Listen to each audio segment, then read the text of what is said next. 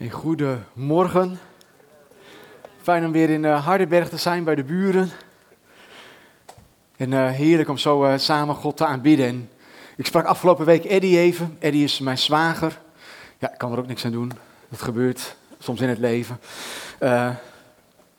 en ik had hem even gesproken en hij vertelde ook over deze vaste dagen die jullie hebben gehad. En weet je, het is zo enorm goed om, om eigenlijk tegen in de hemelse gewesten te zeggen van God is mijn eerste levensbehoefte. Hij is belangrijker dan eten voor mij. Ik moet heel eerlijk zijn, vast is niet mijn hobby. Ik vind het vaak afzien, maar er zit een geweldige belofte van de Heer in.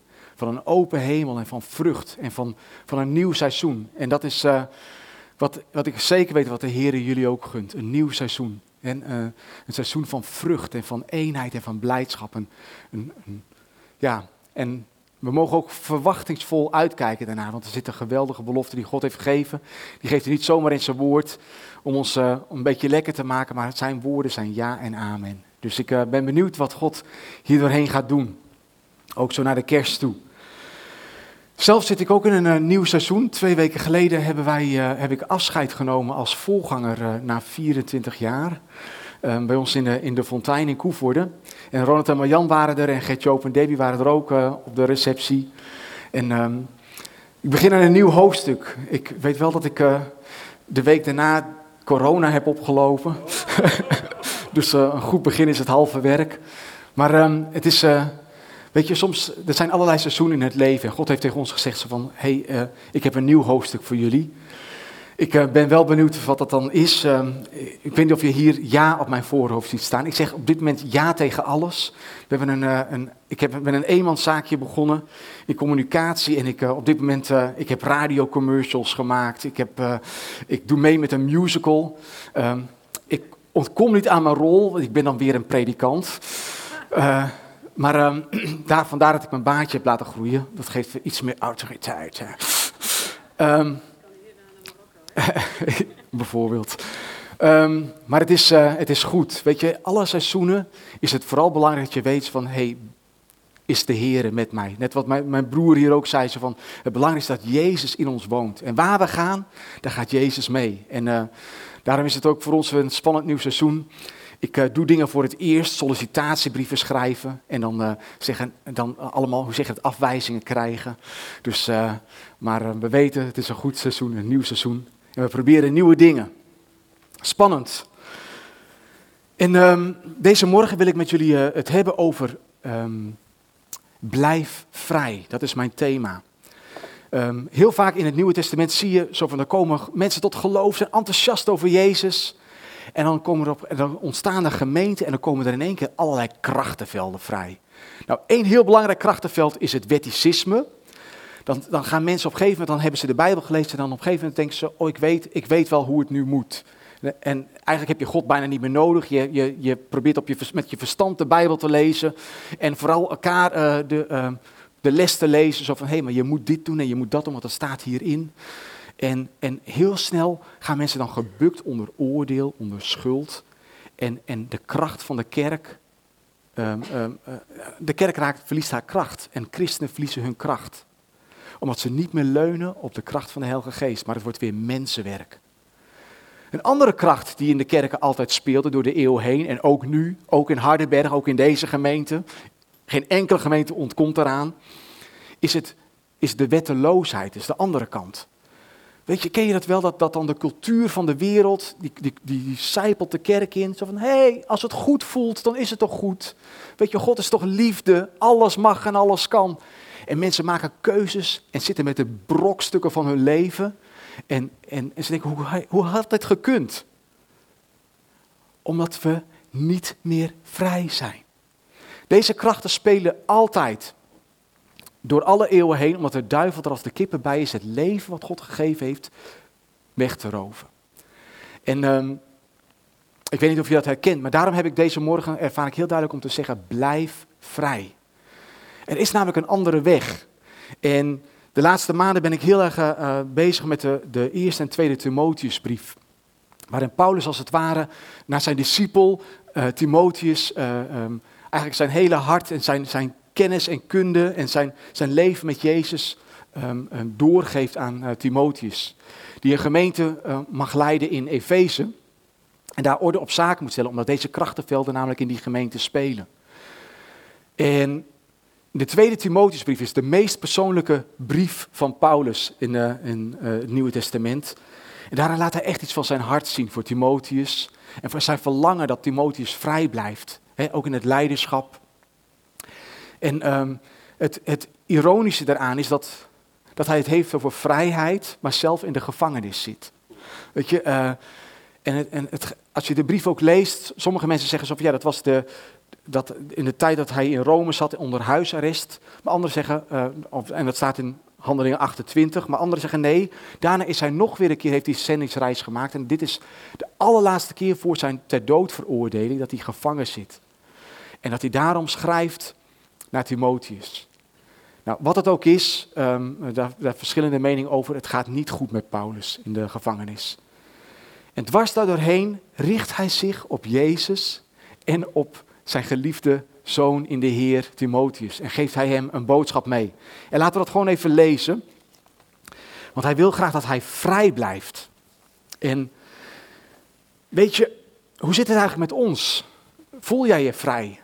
En misschien zeg je, ik voel me helemaal niet vrij. Ik voel me financieel niet vrij. Ik heb een stapel rekeningen liggen uh, die ik nog moet betalen. Maar hoe? Want uh, er is minder geld op de bank. Anderen die, die voelen zich vaak beperkt die hebben eigenlijk heel veel dromen en aspiraties, maar die durven geen stappen te zetten, want wat zal de ander daar wel niet van denken? Sommige mensen zijn niet vrij vanwege de mening van anderen om hun heen, of dat ze bang zijn dat ze veroordeeld worden en daarom zetten ze geen enkele stap. Of als je op, uh, op school bent en je durft je nek niet uit te steken, want stel dat jij het pispaaltje wordt in de klas. En je houdt je stil, je, je dimt, je zorgt dat je niet te veel opvalt. Zo vaak kan onze vrijheid geroofd worden. Of we hebben onze eigen gedachten, dat we onszelf veroordelen en daarom geen stap verder komen. Schuld en veroordeling en schaamte weerhouden ons vaak om in vrijheid te wandelen. Maar stel jezelf eens de ideale situatie voor. We deden dat ook wel eens met ons leiderschapsteam. Zeiden, stel dat we een miljoen euro op de, uh, de kerkrekening hadden staan. Wat gingen we dan doen? Nou, dan, in één keer gaan, al, gaan mensen dromen. Hè? Oh, dan kunnen we dit doen en dan kunnen we dat doen. En, en dat zeg ik vaak aan het einde. Zo zullen we dat dan nu alvast gaan doen? Ook al is er geen geld op de rekening, waar we geloof voor hebben. Je merkt ook vaak als mensen op vakantie zijn. Dan, dan zijn ze vrij, hoeven ze even niet te denken aan hun werk. Zijn ze het liefst zo ver mogelijk weg waar de zon schijnt. En, uh, en dan ben je vaak je beste zelf. En weet je, God houdt zoveel van ons. Die wil graag dat wij, dat wij zo leven als ons beste zelf. De Heer in ons hart, de kracht van de Heilige Geest in ons leven en dat we vrij zijn van schuld en schaamte. Oh, wat zou dat toch lekker zijn. Nou, hou dat even voor ogen, want daar begint Paulus mee in 2 Timotheus 1. En dan zegt hij, Timotheus, ik hou van je alsof je mijn eigen kind bent. Wauw, wat een liefde spreekt eruit, hè? Hij laat Timotheus weten, ik hou van je. Ik wens je toe dat God onze Vader en onze Heer Jezus Christus goed voor je zijn, van je houden en je vrede geven. Ik dank God voor jou. Hij is de God die ik vereer met een zuiver hart, net zoals mijn voorouders deden. Ik noem je in al mijn gebeden. Ik denk dag en nacht aan je. Als ik denk aan het verdriet dat je had, dan wil ik graag weer bij je zijn. Wat zou dat me blij maken? Ik denk vaak aan je zuivere geloof. Zo'n geloof hadden je grootmoeder Lois en je moeder Eunike ook. Ik ben ervan overtuigd dat jij net zo'n zuiver geloof hebt als zij. God heeft je een bijzondere kracht gegeven toen ik mijn handen op je hoofd legde. Daarom zeg ik je, gebruik die kracht goed. God heeft ons zijn geest gegeven, niet om bange mensen van ons te maken, maar moedige mensen, vol liefde en geduld. Heeft tot zover. Wauw, als daar niet het hart van een vader uitspreekt. Ik hou van je, ik denk dag en nacht aan je, ik bid voor je. Ik ben dankbaar voor je als ik aan je denk, aan je zuivere geloof.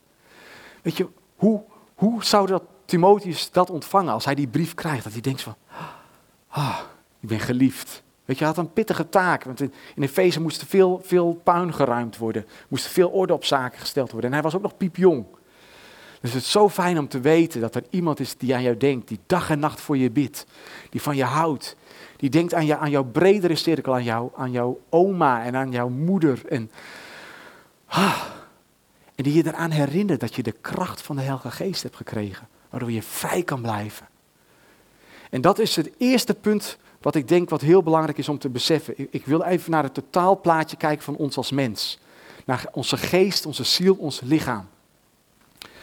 Allereerst is het belangrijk om vrij van geest te zijn. En Paulus herinnert Timotheus hier eraan. Jongen, je hebt de kracht van de Heilige Geest onder handoplegging ontvangen. Gebruik die kracht goed. je, je, hebt geen geest van lafhartigheid gekregen, maar kracht van kracht, liefde en bezonnenheid. Het is heel belangrijk om onze geest vrij te houden. En ik vond het heel fijn dat onze broeder ons hier aan herinnerde dat we de kracht van de Heilige Geest in ons hebben. Want als wij vrij willen blijven, is het ook heel, vaak, heel belangrijk dat wij wandelen in de kracht van de Heilige Geest.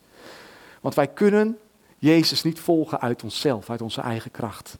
Maar wij kunnen nee zeggen tegen de zonde en ja tegen Jezus door de kracht van de Heilige Geest. En een van de dingen wat ik vaak doe als ik, als ik om raad verlegen ben en als ik aan het wandelen ben, dan bid ik vaak in de geest, in tongentaal. Als, als jij de gaaf van de geest gekregen hebt in tongentaal, gebruik dat. Weet je, je geest blijft onvruchtbaar, maar je, je bidt en, en het klinkt als, uh, als nou ja, wartaal.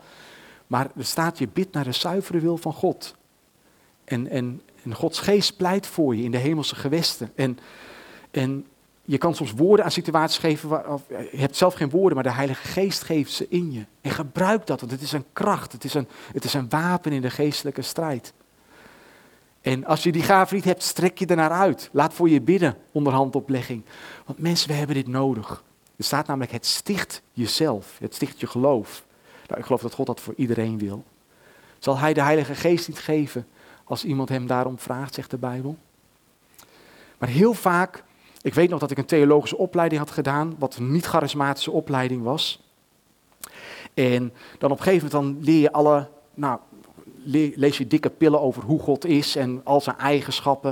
En op een gegeven moment dan denk je, hm, ik weet best wel wat.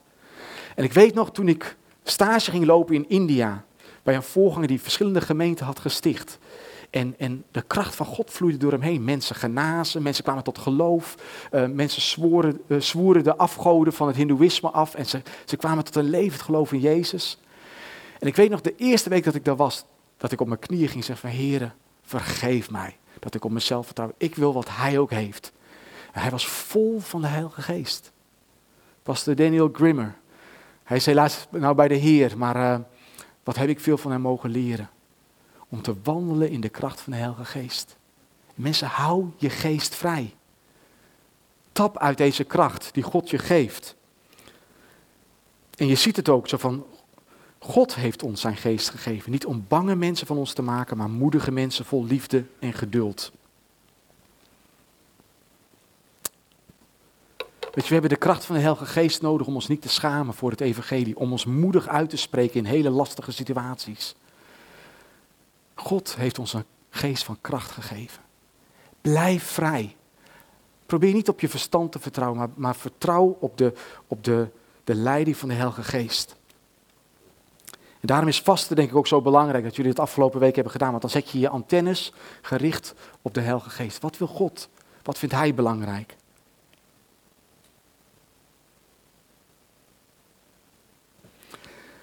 Het andere wat je ook in dit gedeelte ziet, is wat Paulus doet, is om zijn ziel vrij te houden.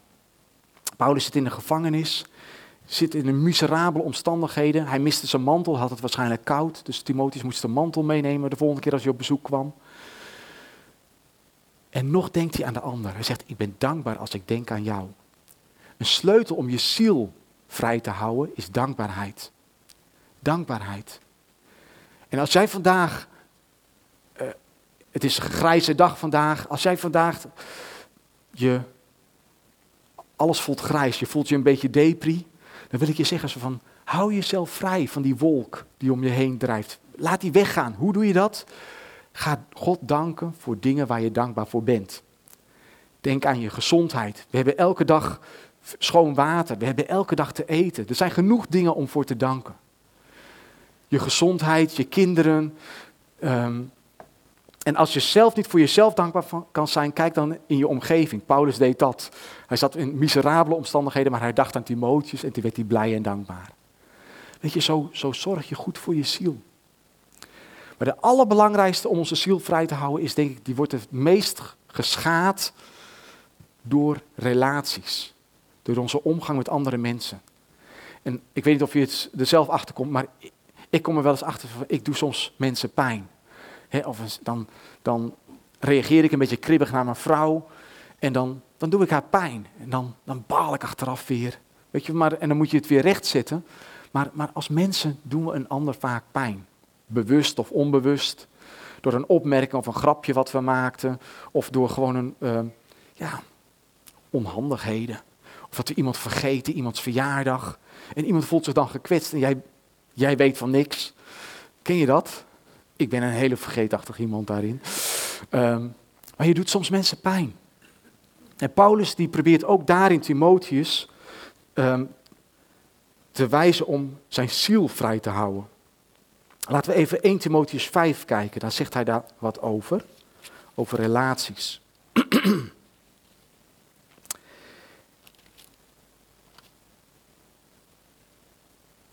Even kijken, 1 Timotheus 5, vers 1 tot 4. Timotheus, als een oudere man fouten gemaakt heeft, moet je hem met respect behandelen. Geef hem raad alsof hij je vader is. Behandel jonge mannen als je broers en oudere vrouwen als je moeder. Behandel jonge vrouwen alsof ze je zussen zijn en ga op een zuivere manier met hen om. Even tot zover. Nou, wat probeert hij daar te zeggen? Hij zegt zo van, joh, uh, of laat ik even verder lezen. Zorg goed voor de weduwen die hulp, echt hulp nodig hebben. Als een weduwe kinderen of kleinkinderen heeft, moeten die voor haar zorgen. Zo doen ze iets terug voor de vrouw die vroeger voor hen zorgde en dan gedragen ze zich als goede christenen die voor hun familie zorgen. Dat is wat God wil. Dus er staat eigenlijk, hoe ga je met elkaar om in een gemeente? Nou, je ziet al heel duidelijk, er wordt familietaal gesproken. Een oudere man, alsof het je vader is, dus die blaf je ook niet af, die behandel je met respect. Een oudere vrouw alsof het je moeder is en een, een, een jongere vrouw alsof het je zus is en een jongere man alsof het je broer is. Nou, het lijkt heel eenvoudig, maar in de gemeente is denk ik het zo belangrijk om, om te beseffen dat dat een sleutel is om onze ziel vrij te houden. Om goed met elkaar om te gaan, om respectvol met elkaar om te gaan, om onnodige uh, pijn te voorkomen. Tegelijkertijd um, waarschuwt hij ook over relaties. En dat staat om jezelf uh, ook daarin te beschermen. En hij zegt dat tegen Timotheus in 1, 2 Timotheus 4, vers 14 en 15. Daar noemt hij even twee namen. Hij zegt, Alexander de Smit heeft mij veel kwaad gedaan. De Heer zal hem zijn verdiende loon geven. Dus uh, daar is hij iets minder vriendelijk. Ook jij moet voor hem oppassen, want hij verzet zich hevig tegen onze uitleg. Dat zijn altijd wat, wat lastige dingen, maar eigenlijk probeert Paulus Timotheus te beschermen. Zijn ziel te beschermen. Hij zegt, joh, pas op voor Alexander en pas op. Weet je, hij, uh, hij doet het evangelie, het goede nieuws van Jezus, veel schade. Hij gaat niet op hem inhakken. Hij zegt van, joh, de Heer zal hem zijn verdiende loon geven. Dus hij laat dat over aan de Heer. En dat is denk ik ook heel belangrijk. Maar er zijn soms, um, um, in het Engels noemen ze dat wel toxic people kunnen er zijn. Um, in jouw omgeving, mensen die, die alle energie uit je zuigen. Die altijd een negatieve wolk om zich heen hebben, altijd cynisch zijn. Als jij met geloof komt en iemand zit daar en zegt van ja, maar dit of dat. En iedere keer dan moet je jezelf weer daartegen verzetten. En Paulus zegt zo van pas voor zulke mensen op. Nou, ik, ik weet nog, toen ik uh, als voorganger begon, was ik uh, uh, misschien ook een beetje naïef, jong en naïef. Dat je denkt, we gaan de wereld veranderen. En, ehm, en soms kwamen er mensen uit andere kerken, die kwamen bij ons in de gemeente en die waren daar met veel trammeland weggegaan. Maar dan dacht ik, naïef als ik was, van nou, maar hier komen ze onder het goede nieuws van Jezus en God zal ze veranderen en dat gaat vast wel goed komen. Ik heb later wel les geleerd als mensen met gedoe uit een andere kerk komen, zeg ik van, maak het eerst goed, dan pas kan je hier je voegen, anders kan je hier niet lid worden. ehm, ik had mijn lessen op een gegeven moment wel geleerd. Want weet je, ehm, er zijn heel veel goede mensen. Er zijn heel veel mensen die, die hebben het beste voor, de beste intenties.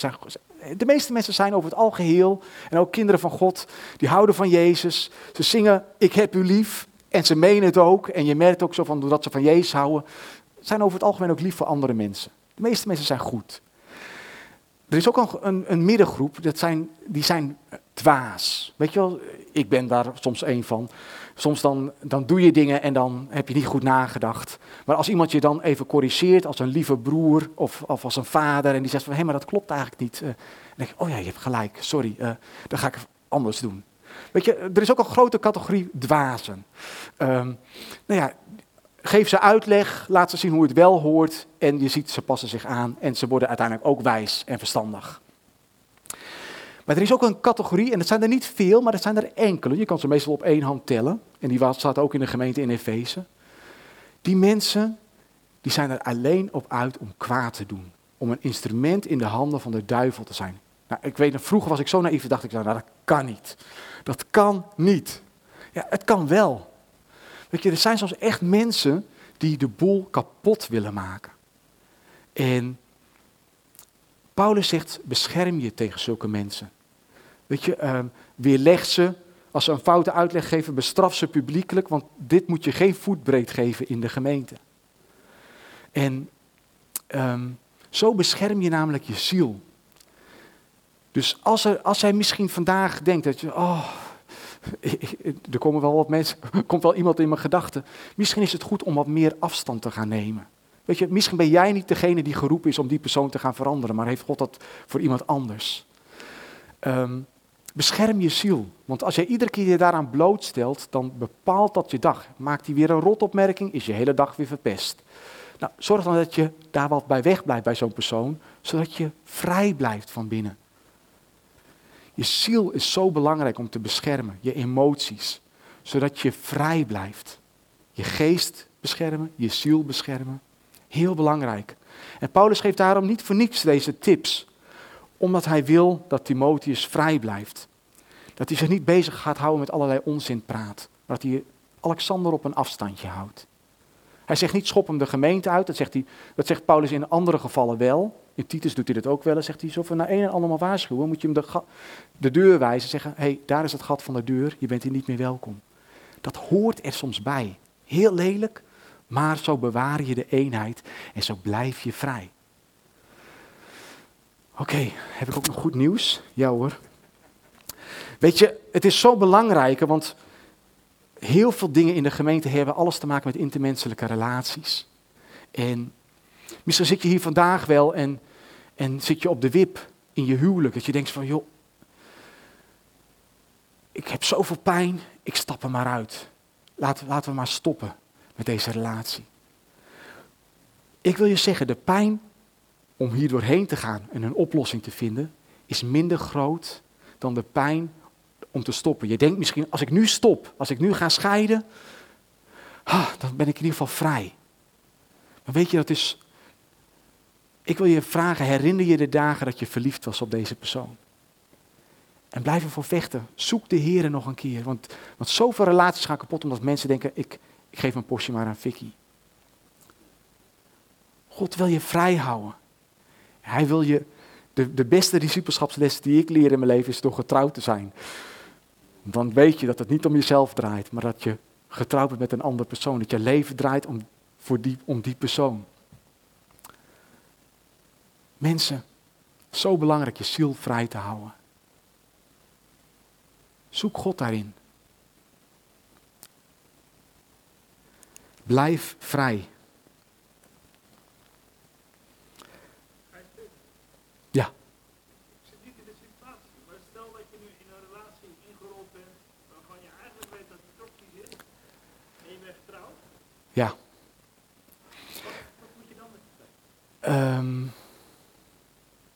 soms kan God die situatie ombuigen om jouw commitment uh, uh, te gebruiken om um, wel, maar dat is even een hele andere topic hoor. Maar over het algemeen laat ik zo zeggen, de algemene stelregel is, God wil je helpen om je, uh, in je vormen door je huwelijksrelatie en je commitment. Scheiden is not an option. Wat God heeft samengevoegd, scheiden de mens niet. Is, hè? Ja. Um, laat ik wel zeggen, in sommige gevallen is het wel goed om te scheiden. Het is, het is nooit Gods optie, uh, nooit Gods eerste optie. Maar als er sprake is van mishandeling, als iemand het verbond verbreekt door uh, overspel of wat dan ook. Um, bij ons in de gemeente heb ik pas geleden ook hieruit gesproken. En, en heb ik ook een van de dingen uit de Timotheusbrief gehaald, hou het huwelijk in ere. Omdat in deze brief hadden ze het namelijk over dat je niet moest gaan trouwen. Weet je, maar trouwen hoort in het plan van God. En de meeste mensen vandaag de dag, in het, in het, zeggen aan de wetteloosheid, zeggen, ah joh, ga gewoon lekker samenwonen, probeer het even uit. Lukt het, dan ga je misschien wel trouwen of wat dan ook. Nou, dat is niet de Bijbelse weg. Dus wij houden bij ons in de gemeente het huwelijk in ere. Tegelijkertijd hebben we ook stellen waar hun huwelijk helaas kapot is gegaan. En dat je soms kijkt en denkt van ja, ze pasten misschien niet eens echt bij elkaar. Weet je wel, het was gewoon, omdat vandaag de dag zijn er ook heel veel jongelui die gaan trouwen vanuit een FOMO, fear of missing out. Dat ze bang zijn om over te blijven en daarom gaan ze voor de eerste de beste die zich aandient. Dus alle papa's en mama's, knuffel je kinderen elke dag. Dat zorgt, voorkomt dat ze, dat ze in de eerste beste armen van een ander gaan duiken, omdat ze weten dat ze geliefd zijn. Dat is ook weer om je kinderen vrij te houden. Dat is wat Paulus doet. Hij herinnert eraan dat Timotheus geliefd is. Doe dat voor je kinderen. Want anders gaan ze zo in de eerste beste relatie duiken, omdat ze bang zijn over te blijven. En dat zijn vaak niet de relaties die God eigenlijk gewild had. Bij ons zijn er ook relaties kapot gaan in de gemeente. En ik heb op een gegeven moment gezegd van ja, Jezus zegt, um, je mag niet scheiden zegt hij heel duidelijk in de evangelie. En als je, dat, als je dan weer opnieuw trouwt, dan, dan heb je overspel gepleegd. Dat klopt. Tegelijkertijd is de bergrede, de conclusie van de bergrede, wees volmaakt zoals onze hemelse vader volmaakt is. Nou, de bottom line is, dat zijn we allemaal niet.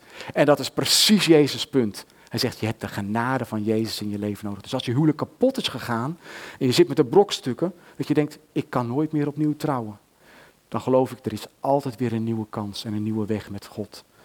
om een nieuwe relatie te beginnen of wat dan ook. Maar bespaar jezelf veel pijn aan de voorkant en, en doe het op Jezus' manier. Ga niet direct samenwonen met de eerste beste, maar ga, zoals ik het ook heb gedaan met mijn vrouw, terwijl ik heel graag met haar naar bed wilde, tijdens onze verkeringstijd, dat ik zei van nee, we gaan met elkaar naar bed pas als we getrouwd zijn. En ik ben zo blij dat ik die commitment heb mogen houden door Gods genade. Ik zeg niet dat ik een hele flinke jongen ben, maar ik, ik wist, God is er. En ik wil Hem eren met mijn leven. Dus ook in je seksuele relatie, in hun huwelijk. Ben je, woon je hier misschien samen, zit je hier denk je, oeh, wacht even, ik hoor hier wat nieuws. Mag dat niet van, van, van God? Nou weet je, we zijn niet tegen seks voor het huwelijk, maar we zijn vooral voor seks in het, in het huwelijk. En zo hebben we ook heel veel samenwonende stellen bij ons in de gemeente hebben gezegd van, hey, hou je van Jezus? Wat let je om te gaan trouwen? Zullen we onder de zegenende hand van God komen? Dat is de weg. En zo ga je goed met je emoties om, met je, met je ziel. En zo voorkom je een hoop ellende. Dus zeg ik dat je nooit mag scheiden? Nee, dat zeg ik niet. In sommige gevallen moet het. Omwille ter bescherming van de kinderen of wat dan ook. Of omdat er, dat er echt een huwelijksverbond verbroken is door één partij. En dan mag je scheiden, ja. Maar je mag ook weer opnieuw trouwen. Maar wacht dan eerst even, want dat zie je ook heel vaak, dat mensen soms direct vanuit hun pijn, dat ze niet alleen kunnen zijn, en direct weer precies dezelfde type weer kiezen. En dat je dan denkt, ach jongens, had even gewacht, had even je ziel laten genezen, dat je weer vrij was om de juiste keuzes te maken. Heel belangrijk. Naast je keuze voor Jezus is je keuze voor je levenspartner de belangrijkste keuze die je maakt in je leven. Dus be smart. Ja? En knuffel je kinderen, alsjeblieft. Goed. Um, fijn hoor dat je even tussendoor uh, komt. Ik, ik, ik, ik had het over hou je geest vrij, hou je ziel vrij. En als laatste wil ik het hebben over je lichaam. Paulus maakt namelijk ook even tussen neus en lippen door een opmerking over het lichaam van Timotheus. In 5 vers 23 heeft hij het over allerlei kerkzaken. En op een gegeven moment zegt hij, Timotheus, in 1 vers 5 vers 23, je moet niet alleen water drinken, drink ook een beetje wijn. Dat is goed voor je maag en dat helpt je tegen ziektes die jij regelmatig hebt. Zo apart hè, dat je dat even tussendoor ziet. En zeker in, in de wat vrije kringen, de evangelische kringen, de pinksterkringen, hebben we het altijd over de geest en over onze ziel, maar bijna nooit over ons lijf, over ons lichaam. Maar Paulus, die, die geeft hier wel even aandacht aan. Zo van, hey, om goed te functioneren, Timotheus, moet je goed voor je lijf zorgen. Drink niet alleen water, maar ook een beetje wijn. Nou, daar gaan uh, alle mensen die zeggen, je mag geen alcohol drinken, het staat hierin. Het eerste wonder wat Jezus deed was trouwens ook water in wijn veranderen. Uh, lekker, ja, het wordt er ook lekkerder van. Ja, ja, ja. En dan te beseffen dat het al aan het einde van het huwelijksfeest was. Dus volgens mij was er al flink gepimpeld. Ik weet niet hoe dat in elkaar zit. Weet je, maar, Jezus die, uh, die was bijzonder. En die was vrij. Paulus zegt dit tegen Timotheus om goed voor je lichaam te zorgen. En ik noemde al even de Indiaanse voorganger waar ik uh, stage bij liep.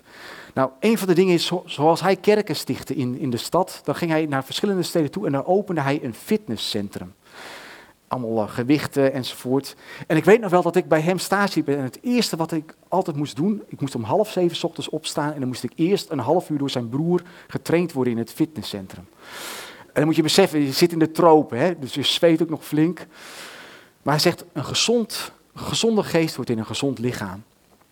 Maar ik heb, ik heb, het is me altijd bijgebleven om goed voor mijn lijf te zorgen. Af en toe als je weer eens de supermarkt hebt leeggekocht en je hebt uh, voetbal gekeken met een dikke zak chips. En dan, pff, dan denk je achteraf, ken je dat? Dan heb je spijt. denk je, man, waar zit te schransen.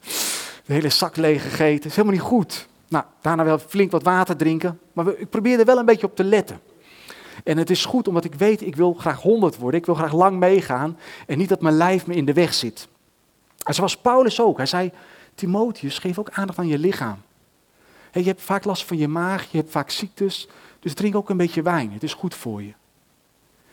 En dat is een van de dingen die wij vaak minder belangrijk vinden als christenen. Want dat is toch maar je natuurlijke lijf. Weet je dat vandaag de dag in november vallen de meeste mensen in ziekteverzuim door burn-out of wat dan ook. Het is de maand van de stress. Mensen buffelen maar door en buffelen maar door. We slapeloze nachten en soms is het meest heilige wat je vanmiddag kan gaan doen na deze preek, als toepassing van deze preek, is om op de bank te gaan liggen en even een half uurtje goed te slapen. Goed, sommige mensen hebben veel langer nodig. Uh, maar te veel slapen is ook niet goed hoor. Daar word je ook wel lui en moe van. Maar uh, uh, soms is het goed om even naar je lijf te luisteren.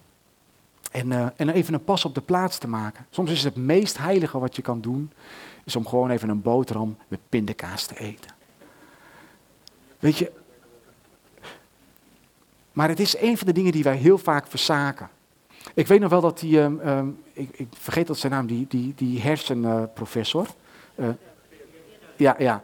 Die, zei, die vroeg aan, een, aan een, een zaal vol met werkmensen, zegt hij, wie van jullie haalt wel eens zijn bureau even leeg voor een halve dag, doet zijn benen op de tafel en gaat gewoon even uit het raam staren. Nou, niemand die dat deed. Maar hij zegt, weet je dat het zo gezond is? Ook voor dat, dat elke baas dat eigenlijk in zijn werkweek voor zijn personeel zou moeten doen. Want daar komen de beste frisse ideeën van. Kunnen mensen even weer opladen. En ik denk van ja, dat is nou typisch onze reformatorische werkmoraal. Zodat we denken, eh, werken zullen we, weet je wel, eh, voor het, in het, ons zweet des aanschijns. Maar ik denk dat we soms eens beter moeten luisteren naar ons lijf. Wij dienen de Heer met onze geest, met onze ziel en ons lichaam. En ehm, ik denk voor sommigen moeten misschien vandaag daar eens een keer, als we weer eens even de kast open trekken, dat ze denken, nou vandaag maar eens even die uh, amandelen, ongebrand, in plaats van die zak paprika chips. En uh, weet je dat dat heel goed voor je haar is trouwens? Uh, ik heb er niet. Ik, en goed voor je huid uh, om amandelen te eten. Dat, mijn vrouw die koopt tegenwoordig van die blauwe bessen. Die zijn echt stervensduur. Ehm, en dan koop je zo'n zo klein bakje bij de supermarkt. En dan, maar ze zegt dat is, dat, dat is heel goed voor je. Er zitten antioxidanten in geen flauw benul wat het is, maar ik heb dit onthouden, het is goed voor je. Dus ik eet elke dag braaf mijn blauwe besjes. Maar mensen, het klinkt misschien raar en misschien vind je dit niet heilig genoeg of wat dan ook, maar soms moet je beter naar je lijf luisteren. En zorg goed voor je lichaam, want het is een tempel van de Heilige Geest. onze broeder had het hier over de Heilige Geest, maar de Heilige Geest woont wel ergens in. En laat het dan niet een krot zijn, maar laat het even nog een, een mooie villa zijn waar hij in woont. Ja? Dus zorg goed voor je lichaam. Want daarmee dien je God en zo blijf je vrij. Dan zit je lijfje ook niet in de weg. Als je geroepen wordt om ergens te gaan helpen, om, om Gods woord te bedienen. En dat je, oh, ik ben vandaag niet fit, ik kan niet. je bent er klaar voor. Gods geest woont in je. Je bent, uh, je bent fit, je bent sterk. En je hebt de moed om, om leven uit te spreken over mensen. En zo, is, zo wil God dat wij Hem dienen. Dus blijf vrij. Een van de belangrijkste boodschappen, mensen, dat staat namelijk in de Galatenbrief, om vrijheid heeft Jezus ons vrijgekocht. Dat is het hoogste goed. Ik wil afsluiten met het vers waarmee ik begon. Lieve wegwijzers. En dit zegt God ook zo tegen jullie. Ik houd van je alsof je mijn eigen kind bent. Ik wens je toe, en dat wens ik jullie toe, dat God onze Vader en onze Heer Jezus Christus goed voor jullie zal zijn. Van jullie zal houden en jullie vrede zal geven. Zodat je vrij blijft. Amen. Ik zou graag willen bidden. Heer Jezus, ik dank u zo voor deze morgen. Ik dank u voor deze prachtige gemeente. Dank u wel dat u hier een vlag hebt geplant. Heer, dat u, dat u de wegwijzer heeft, heeft gewild.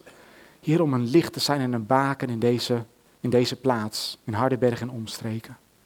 Dank u wel dat u in ieder van ons die hier zit, bij naam kent. En u weet of wij vrij zijn of niet. U weet dat er misschien dingen vandaag zijn aangesproken waarin we diep van binnen voelen. Ja, hierin ben ik niet meer vrij of hierin ben ik mijn vrijheid verloren. Maar Heer, ik dank u dat u de Heilige Geest hebt gegeven om ons vrij te houden. Om nee te zeggen tegen dingen die onze vrijheid wegroven. En om ja te zeggen tegen u. Ik wil zo bidden, wilt u, uh, wilt u ons vrij houden naar geest, ziel en lichaam.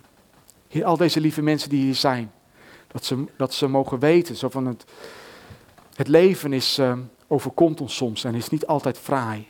En er zijn soms crisissen, maar van binnen mogen we vrede hebben die alleen God kan geven en de wereld niet. Omdat de Heilige Geest in ons woont. En Heer, ik wil zo bidden.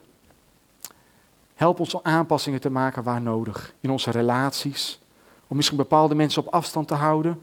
Misschien bepaalde tegen andere mensen sorry te zeggen. Om ook weer in de ruimte te komen andere mensen te vergeven. Maar bovenal, Heer, dat we ook uh, onze lijn naar U open houden. Laat ons vertrouwen op de Heilige Geest alleen tot eer van uw naam. Heer, zo mogen we weten dat u altijd bij ons zal zijn en dat we u goed zullen vertegenwoordigen in deze wereld. Tot eer van uw naam. Amen.